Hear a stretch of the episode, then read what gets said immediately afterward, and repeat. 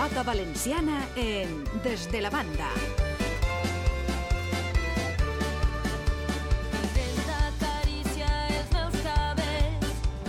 Parlem de pilotant des de la banda, això vol dir que tenim així a Pedro Alero. Què tal, Pedro? Què tal? Bona vesprada, com Bona esteu? vesprada. Avui tenim molts temes que parlar de pilota. La Lliga continua parada, però tenim novetats. Sí, sabem que fins al dia 4 almenys continua parada la pilota professional, les lligues que estan en joc, que va, van començar a jugar-se fa dues setmanes, però sí, hi ha novetats perquè esta última setmana hem conegut que Roberto Monraval, el punter de l'equip de Montserrat, el jugador de Vilamarxant, als seus 30 anys, ha decidit penjar els guants, almenys de, en la faceta com a professional, Eh, bé, buscant més estabilitat eh, econòmica, malauradament ja ho hem contat alguna volta així, eh, no, no tots els jugadors de pilota professionals tenen aquesta estabilitat que desitjaríem i de vegades el món et porta per altres camins. Bonraval, que va guanyar dos lligues, que va guanyar dos copes, amb estos 30 anys ha decidit eh, deixar la pilota professional, ara va jugar, com després comentarem, en un club eh, de pilota amateur, però va deixar el trinquet, ha sigut un gran jugador, donat alegries a la- l'afició,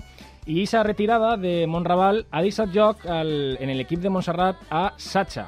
Sacha Kruithoff, o, bueno, ara veurem com se pronuncia realment, que crec que va ser una bonica, una sorpresa, una gran novetat per a la Lliga d'Escala i Corda, en este cas, eh, que va, com dic, a jugar amb l'equip de Montserrat, perquè és un jugador distint, perquè la seva vida és especial, eh, només té 22 anys, ell és d'Orba, a pesar de que, malgrat que, que aquest cognom ens porta possiblement a altres països eh, europeus, però ell és d'Orba, i jo volia preguntar-li, crec que ja el tenim eh, connectat al telèfon, que ens expliqui exactament com hem de dir-lo ara, perquè fins ara sempre li hem dit Sacha, la gent que, la gent que coneix el món de la pilota sap qui és, eh, sap l'ha vist jugar, però el que no, eh, això de Sacha... Ara, ara com t'hem de dir? Sacha Kreuthoff? Kreuthoff? Com és exactament? Conta'ms. Bo, bona vesprada, no ho sé ni jo, Pedro. Heu i el coll. perquè eh, és així. Eh, bona vesprada abans que res, evidentment. Bona Eh, vesprada. Fins ara ha sigut Sacha, però ara vas a tornar al trinquet, vas a debutar en la Lliga d'Escala de Corda Professional i el teu nom ara com a pilotari va ser Kreithoff. Sí, més o menys. El que, el que més té curiositat per a veure com ho pronuncien és mon pare. L'altre dia va estar donant-me dos classes de com estic a pronunciar.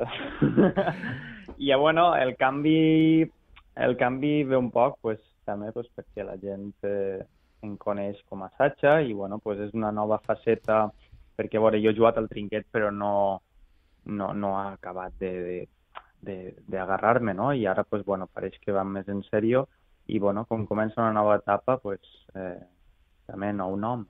Anem per parts, eh, per aquells que no coneguen la història de Sacha. Sacha té 22 anys, com ja he dit, és d'Orba, a la Marina, però Sacha, evidentment, este cognom no, no és habitual en els pobles de la Marina.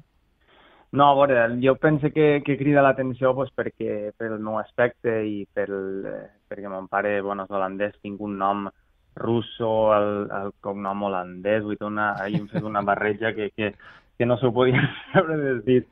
I, bueno, i, i crida l'atenció, però jo penso que és bo, perquè al final és, eh, crea expectació i la gent també li agrada lo que és diferent, no? Sí, té un punt exòtic, té un punt exòtic. Correcte. I a banda, tu, eh, com ja has comentat, vas començar a jugar al trinquet, però pronte vas decidir-te per el One Wall, que és una modalitat internacional, eh, vas eixir fora, vas eh, passar les fronteres, has jugat als Estats Units, a Europa, has sigut campió d'Europa de One Wall, has jugat davant dels millors del món en aquesta modalitat, i, i ara enguany, entre altres raons, perquè és impossible viatjar, tornes al trinquet. I, i jo te pregunto com afrontes esta estrena en la Lliga d'Escala i Corda, que és la competició més important de, de trinquet eh, per equips. A veure, la veritat que, que eh, no serà... Jo em trobo còmode entrenant i de més, no serà fàcil perquè també el jugador que substitueix, com tu bé has dit abans, eh, té un gran currículum i bueno, un gran jugador a la punta i, i, i tots sabem que a la punta no és una posició fàcil perquè bueno, has de saber quines pilotes deixar, quines pilotes eh, jugar i saber parar en el moment adequat i, però bueno, amb molta il·lusió i, i dispost a fer un bon paper i que el, que el públic també pugui disfrutar i com no, pues, anar a guanyar, que al final és l'objectiu l'objectiu final. Eh... Jo penso que tu, tu estàs content, no?, que jugue per Montserrat. ja, home, a mi me toques els colors, clar. Jo, jo vaig a, a Montserrat. De... Vull dir que si no, passa, si no guanya no passa res, però jo crec que tens bon equip, bon equip ahir amb Marc i amb, i amb Santi. No sé si ja has parlat amb ells, si ja t'han comentat alguna cosa, si ja heu quedat per a entrenar.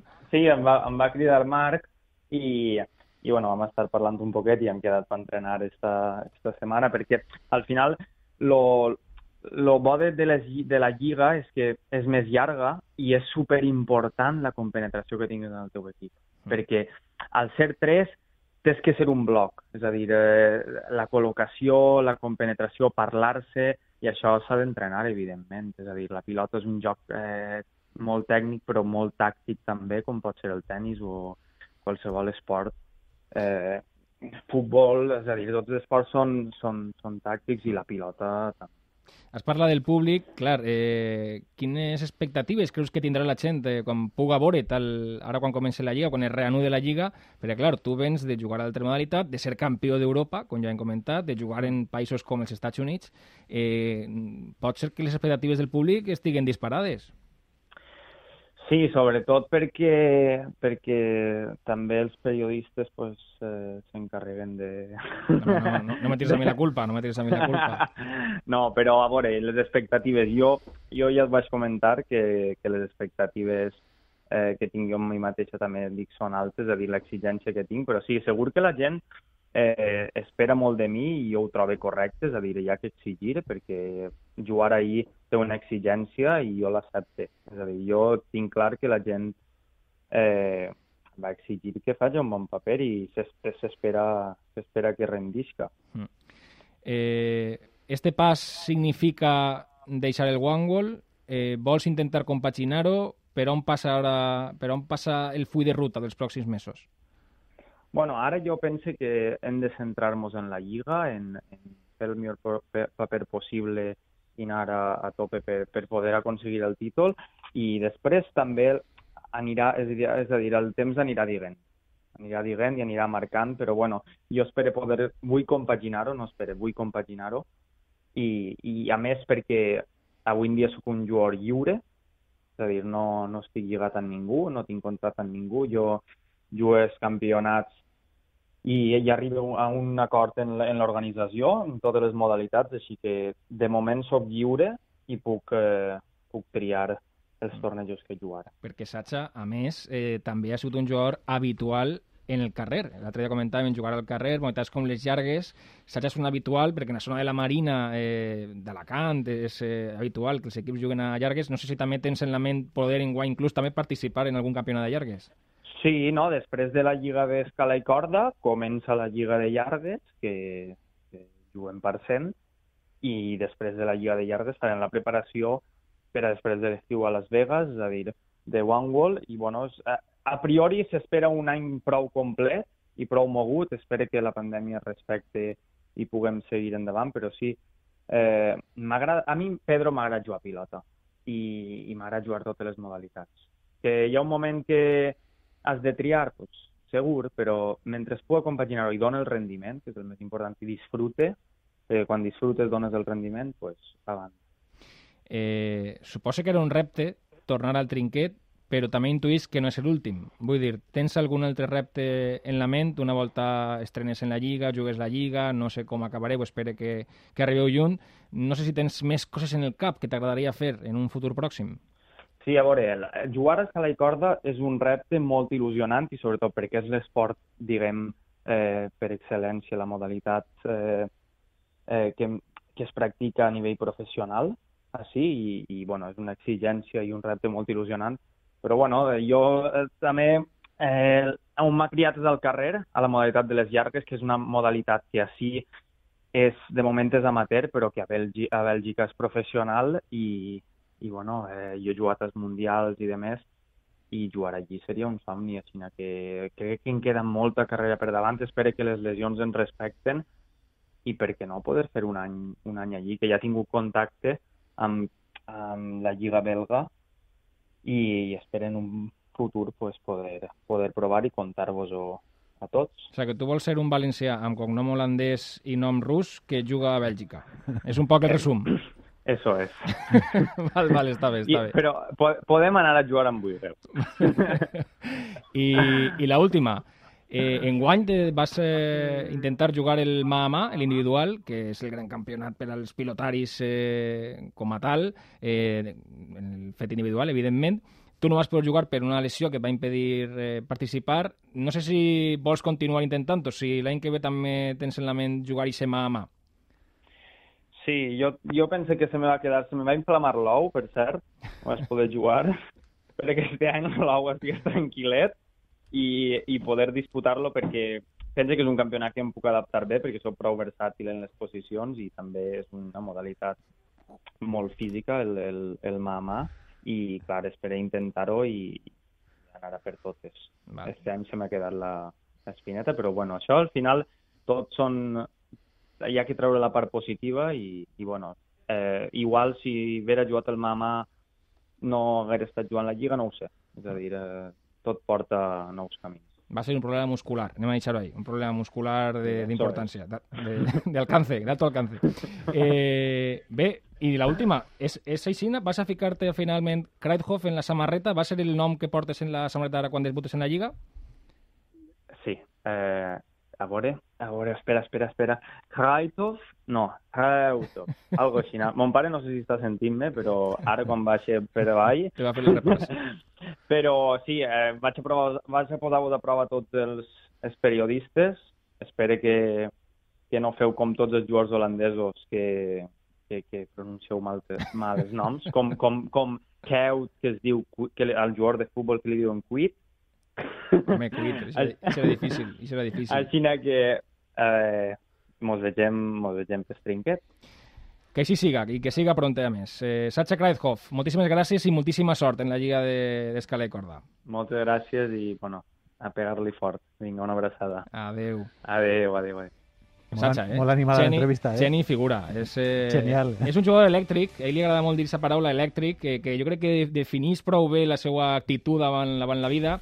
Té 22 anys, ha pegat la volta al món jugant a pilota i perquè es, es, es negava a quedar-se només així jugant a escala de corda, va decidir donar aquest pas. Crec que ha obert portes interessants per a gent que ha vingut darrere, per a joves que han provat el One Wall, i ara va tornar a, diguem, on es va criar, que és el trinquet. Veurem en quin rendiment, en, quina, en quin resultat final en esta lliga, però jo crec que l'equip de Montserrat té amb Sacha un bon fitxatge. El tema de la inflamació el deixem passar. Sí, fem un, pa fem un parèntesi. Ha Bueno, estat massa sincer, massa sincer. Ningú ahí, problema. ahí està. Parlem, Pedro, de més temes que Alfa Motors, l'autonòmic de Galotxa. Sí, eh, bueno, abans deixem un apunt. Eh, volem saludar des d'ací a Raül de Godelleta, que és un mitger eh, professional que ja porta molts anys jugant i que finalment es va operar perquè té un problema en el muscle, una lesió amb dolors que no, no acaben, que no es remitixen i va decidir operar-se. Des d'ací molts ànims a, a Raül de No, i, ta- Godelleta. I també tenim per repassar la classificació Sí, de, però de bueno, corda i de raspall. Està parada de la Lliga, simplement recordar que l'equip de Villarreal, l'equip de Soro, Jesús i Salva, és el líder provisional en escala de corda i en Raspai, que ja s'han jugat dues jornades, l'equip de Genovès, amb Vicent, Tonet Quart i José són els, els líders. Però, com bé dies, efectivament, l'autonòmic de Galotxa ja està calfant motors. Al igual que la pilota professional, l'amateur, la dels clubs, eh, també està parada, evidentment. Eh, ja veurem què passa este mes de febrer. Mm, Tant de bo la pandèmia ens dice que, que reanuden les partides. I està calfant motors un campionat que jo crec que és un dels més emblemàtics de la galotxa, de, d'un dels les modalitats més populars així en la província de, de València en equips molt potents.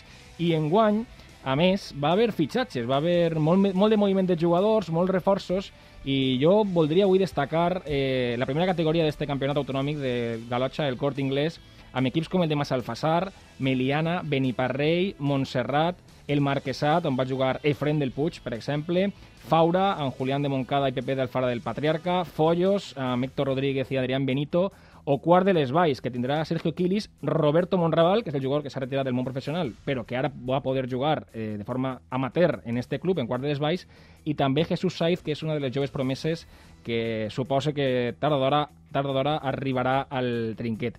Escortem a Juan Bautista Juanba Camarelles, que és el president del Club de Faura, que és l'actual campió d'este campionat, que tenen ja ganes de que comenci el trofeu i que analitza esta pujada de nivell en quant als jugadors que van a competir en este trofeu de Galotxa, el Cort Inglés. És un any il·lusionant, defensem el, la corona, el títol de campions, ho anem a fer mantenint el mateix bloc que varen tindre l'any passat. Pensem que és un gran equip, un gran conjunt i hem optat per mantenir l'equip, encara que sabem que va ser molt complicat poder eh, revalidar el títol perquè els equips eh, s'han reforçat molt bé amb el fitxatge de, de Montraval, que és un grandíssim jugador, equips eh, Montserrat, que és un equip super fort, Beniparrell, Follos...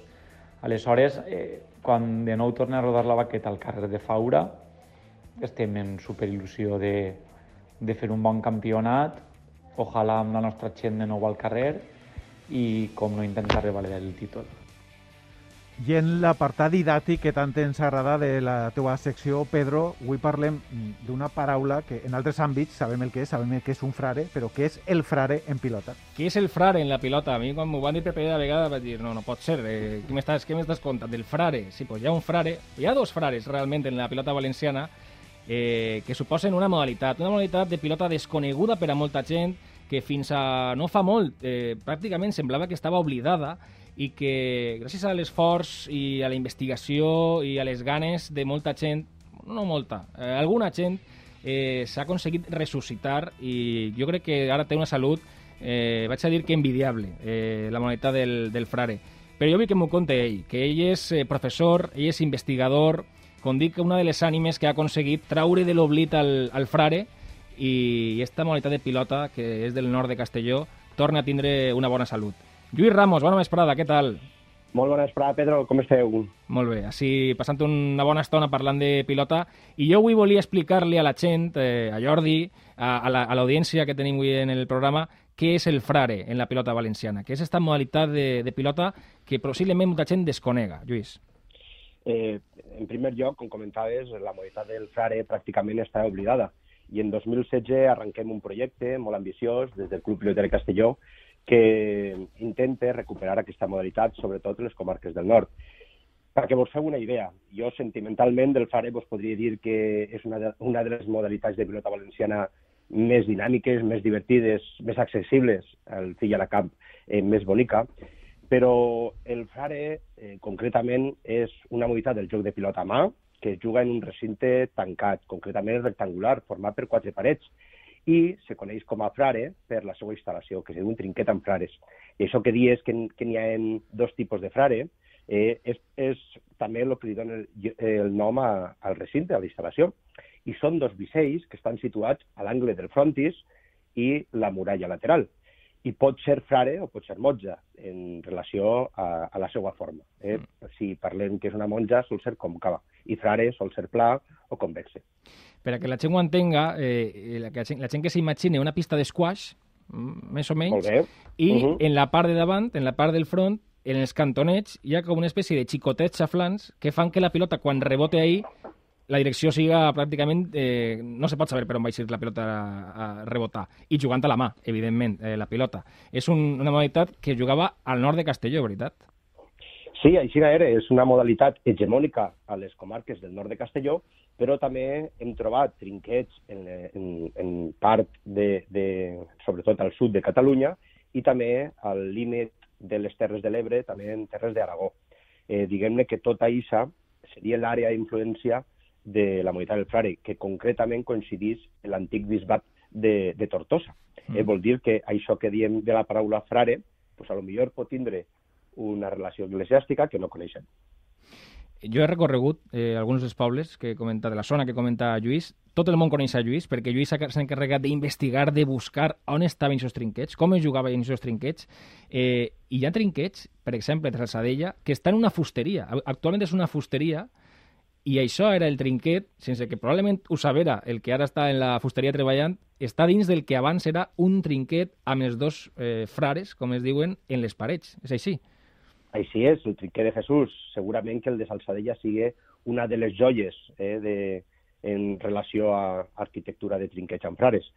Eh, sí, perquè molts, molts trinquets eh, tenien també al, al costat una taverna i era un negoci. Vol dir, els trinquets fonamentalment eren instal·lacions eh, privades on la gent anava a jugar fent alguna aposta i de, de jugar pues, el, el trinquetero o trinquetera pues, traia un jornalet. jo te volia preguntar, Lluís, com és això d'aquest projecte en 2016 de recuperar, de rescatar de l'oblit, perquè cal dir que hi havia un moment en el que ningú jugava al Frare. El Frare s'havia perdut, era una modalitat que no es jugava. Com es recupera? De quina manera torna a la vida? Vaig a dir que quasi queda entre els morts, esta modalitat de, del Frare. En primer lloc, eh, torna a tindre vida gràcies al treball que s'havia fet abans. Si no hagués sigut pel treball que havia fet Manolo Conca, Dani Martos en les seues investigacions, eh, Víctor Agulló i fonamentalment el Club de Pilota de Traiguera, jo realment no haguera conegut el que era el Frare i no haguera dedicat tant de temps i esforç. I en 2016 li proposem a la Federació de Pilota Valenciana recuperar aquesta modalitat i, evidentment, ens diu que endavant, que, que el que faci falta.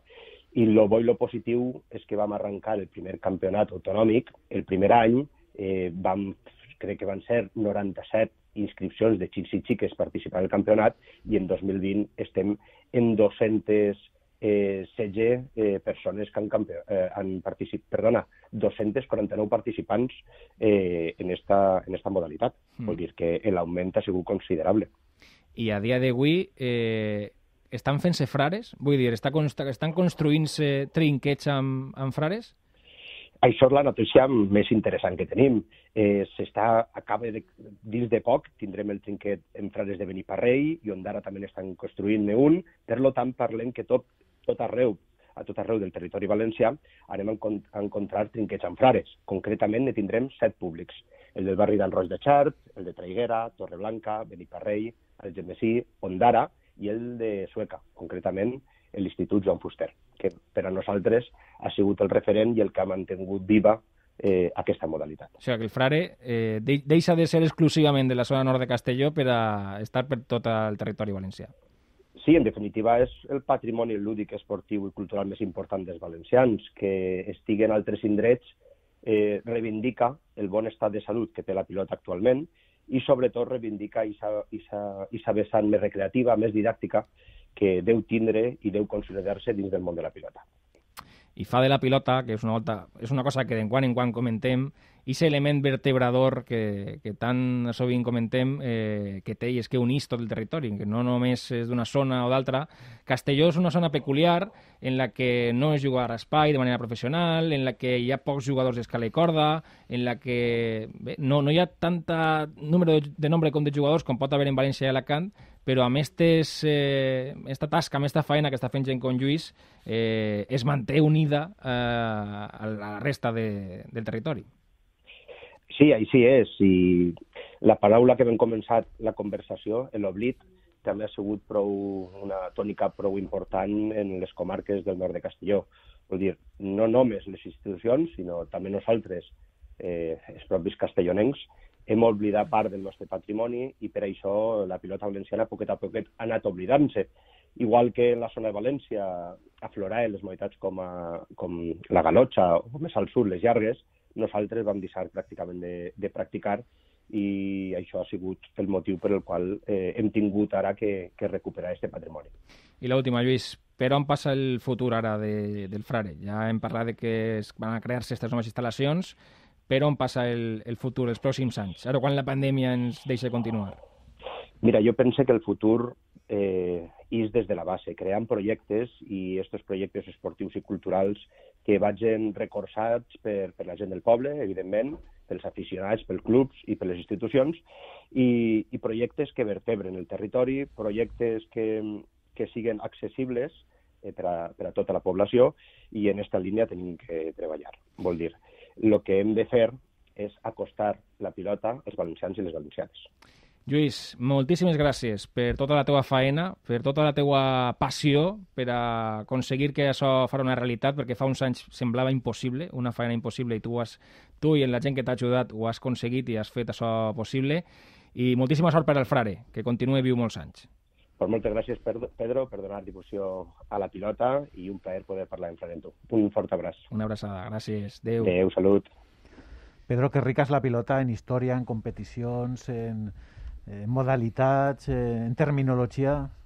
És apassionant. És impressionant, jo eh? vaig I recórrer, com dius tu. recórrer amb Lluís eh, un dia alguns dels pobles de la zona nord de Castelló, que jo mm, no vaig dir que ells coneixia, però que no havia estat pràcticament en cap d'ells, i van conèixer una persona, eh, Serafín, un veí de, de Xert, que amb més de 90 anys ens va acompanyar on estava el, el vell frare de Xert i després es va acompanyar a un que ja nou, eh, a Canelo Roig, i, i s'emocionava perquè veia el, el trinquet en frare i recordava eh, tots els duels, tots els desafios, totes les partides que s'havien jugat Penseu que ahir jugaven pràcticament a diari al, al Frare i de repent, eh, degut a la migració a les zones de, més de la província de València de la gent, eh, a, la, a la zona de Castelló ciutat, eh, es va deixar de jugar, es va parar, es va morir la modalitat, va, es va abandonar. Eh, I por que tenim que passa de vegades en la modalitat com ara el trinquet o la galotxa, allí va passar, el Frare se va morir.